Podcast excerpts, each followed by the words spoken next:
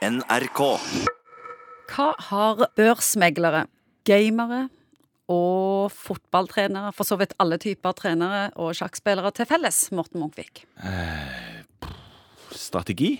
De er opptatt av strategi. Det er det du vil Tenk på kroppen. De eh, Nei, jeg vet ikke. Hvor vil du? De står ofte stille, de sitter ofte stille, Ja, og så har de høy puls. ja det er sant. Det er Ja. sant. Ja, De er spente og nervøse og, og kanskje stressa fra tid til annen. Og, Pumper og går som bare det. og pumpa går. Ja, ok, Ja. Så det er høy puls uten særlig mye aktivitet som følger med. Det er det du vil fram til? Ja. ja.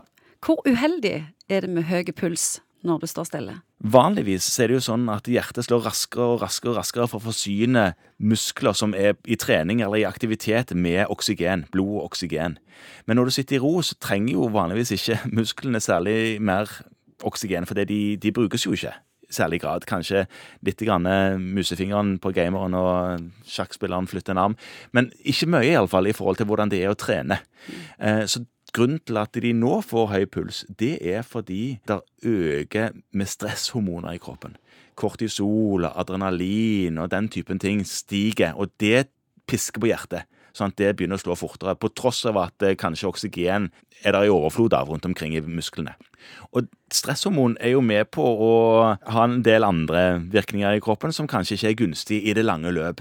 Høyt stressnivå over tid er jo ugunstig for hjerte-karsystem og alt mulig. Jeg googla hjerteinfarkt og fotballtrener, og det var ikke få treff. Nei, det, nei, jeg vil tro, Tror det dukket opp litt. Men du vet, problemet med enkelte fotballtrenere er jo at de er kanskje ikke i sin livsform når de er fotballtrenere.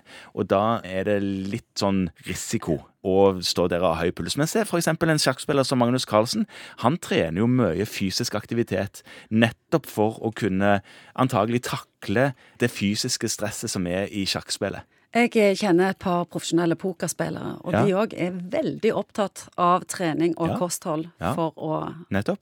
Så dette er nok skadelig med det høye stressnivået dersom du har en kropp som ikke er vant til å takle dette i utgangspunktet. Sant? Men hvis du sjøl sitter og er supporter for et eller annet fotballag og ser en spennende kamp på TV, så er det ikke farlig å sitte der med høy puls av og til.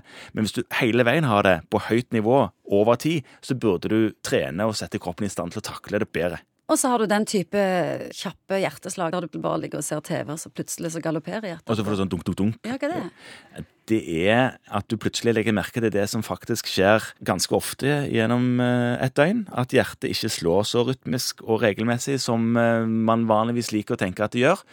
At har noen ekstraslag, rett og slett, som kommer innimellom, som er helt ufarlige og helt vanlige, uten at det er tegn på noe som helst hjertesykdom. Og det merkes tydeligst når man ligger i sengen og har lagt seg ikke har særlig mye annet å tenke på. Så tenker oi, dunk, dunk, dunk, kjenner en, oi, i all verden, hva var det? Og så blir en engstelig og så nervøs, og gjerne spør legen sin om det. Og da får du det svaret at dette er nok bare vanlige ekstraslag som kommer som ikke er forbundet med noe sykdom. Hva er en unormal og farlig hvilepuls? Ja, en hvilepuls hvis du sitter i ro Bare for å skremme folk. Ja, skremme folk, ja.